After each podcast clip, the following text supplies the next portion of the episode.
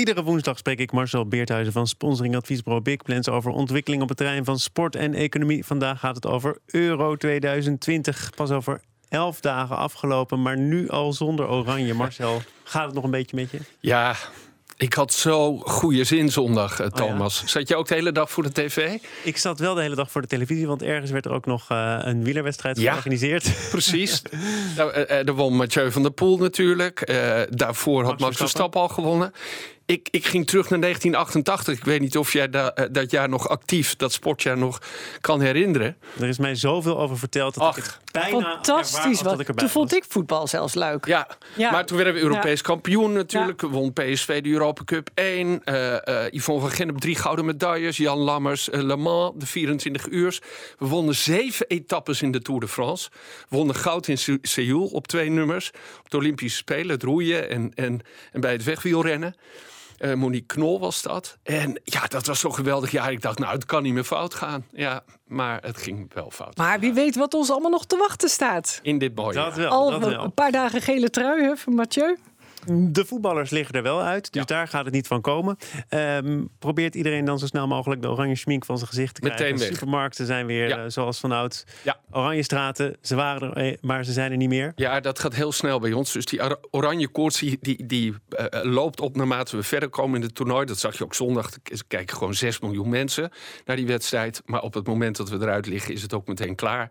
Gaat alles weer in de prullenbak of in de opruimkast. En uh, ja, dan is het over. Ja. En dan is het, is, is het ook afgelopen. En, en dan gaan mensen rekensommen maken ja. die dik in de min uitkomen. Althans, als je kijkt volgens mij naar de economische impact op supermarkten... dan zag ik al iets voorbij komen. Die kunnen fluiten naar hun extra omzet van Ja, dat miljoen. is uitgerekend door verschillende partijen. Die zeggen het kost ongeveer 10 miljoen per hè, uh, supermarktomzet per wedstrijd. Dus we missen drie wedstrijden, zou 30 miljoen schelen.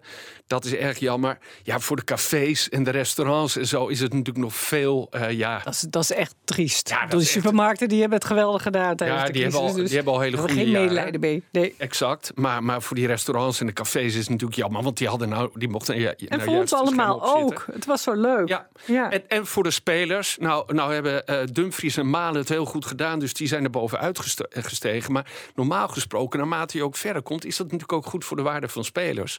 Hè, dat hebben we toen in, in, in 2014 gezien.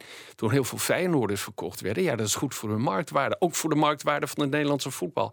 Ja, dat heeft nu ook een knauw gekregen. Als je kijkt naar alle buitenlandse commentaren. Het was heel moeilijk in een bedrag uh, te vangen. En dat kan ook zo weer omkeren op het moment dat we goed gaan presteren. Maar, maar ja, dat, dat, dat is wel verlies.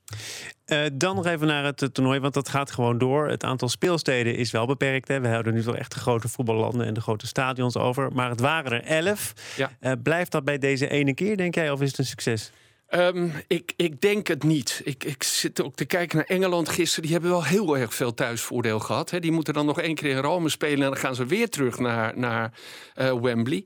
Uh, de gedachte was dat dit jaar, of eigenlijk vorig jaar, de e het EK 60 jaar zou bestaan. Want dat is voor het eerste keer georganiseerd in 1960. Platini kon uh, een jaar of acht geleden niet echt goede speelsteden krijgen. Of een land dat het wilde organiseren. En die heeft toen gezegd: laten we het dan in meerdere landen organiseren. Met ook de financiële gedachte: er hoeft er ook maar per land één stadion of een goed stadion te worden gebouwd. Of dat moet er zijn. Ik, ik vind het wel jammer hoor. Ik vind het toch mooi als het in één land plaatsvindt. En ook omdat er wel veel sprake is van thuisvoordeel. En dat is ook wel bekend. Als je thuis speelt, dan heb je ook gewoon voordeel. Dus ik, ik denk, uh, nou ja, over vier jaar of over drie jaar is het in ieder geval weer in Duitsland, in één land. Maar de wereld is kleiner geworden. Dat blijkt ook wel als je kijkt naar de boarding. Heel veel Chinees. TikTok ja. bijvoorbeeld, maar ook echt Chinese teksten op reclameborden. Ja, uh, ik krijg er veel opmerkingen over van mensen die zeggen: ja, waar, waar, waarom is dat eigenlijk? Er zijn vier Chinese bedrijven nu hoofdsponsor van de UEFA. TikTok is dat, Alipay, uh, Vivo en Hisense. Overigens ook drie Nederlandse merken, dat is ook wel leuk. Hè? Met Booking en Heineken en Thuisbezorgd. Uh, maar ja, die doen dat natuurlijk omdat ze wereldmerken willen worden, omdat ze de wereld willen domineren. Maar ook in China zitten mensen te kijken wel op ja, niet zulke goede tijden, want het is gewoon midden in de nacht daar. Maar het wordt ook uh, via streaming video uitgezonden bijvoorbeeld. En ook in herhaling. En die, die merken richten zich toch ook op hun eigen thuismarkt wat dat betreft. Maar de voornaamste reden om sponsor te zijn van dit evenement is om gewoon nieuwe markten te veroveren. En te laten zien, kijk, wij zijn een groot merk. En wij kunnen tussen al die grote merken staan. Ja, en op de manier uh, die past bij zo'n merk. TikTok bijvoorbeeld, natuurlijk bekend van de social media, van de filmpjes. Uh, dat wordt wisselend ontvangen. Er is zelfs ook wel sprake van enige haat zo af en toe. Ja, Wat is de verklaring? Ja, niet alleen op TikTok, maar op alle social media kanalen. Eh, echt verschrikkelijk als je leest dat Morata zei van ja, ik vind de fans wel heel erg negatief dat hij dan werkelijk doodsbedreigingen krijgt. En niet alleen hij, maar ook zijn vrouw en zijn kinderen die onder moesten duiken.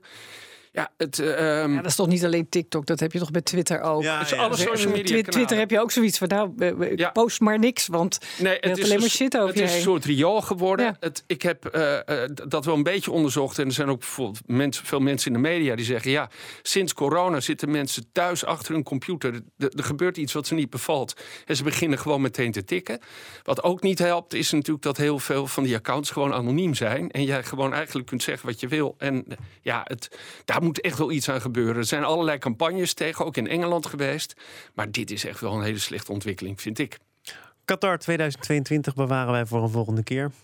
We moeten ons eerst nog maar zien te kwalificeren. Ja. Marcel, met een nieuwe, nieuwe bondscoach. Zeker weten. Tot, uh, tot volgende week.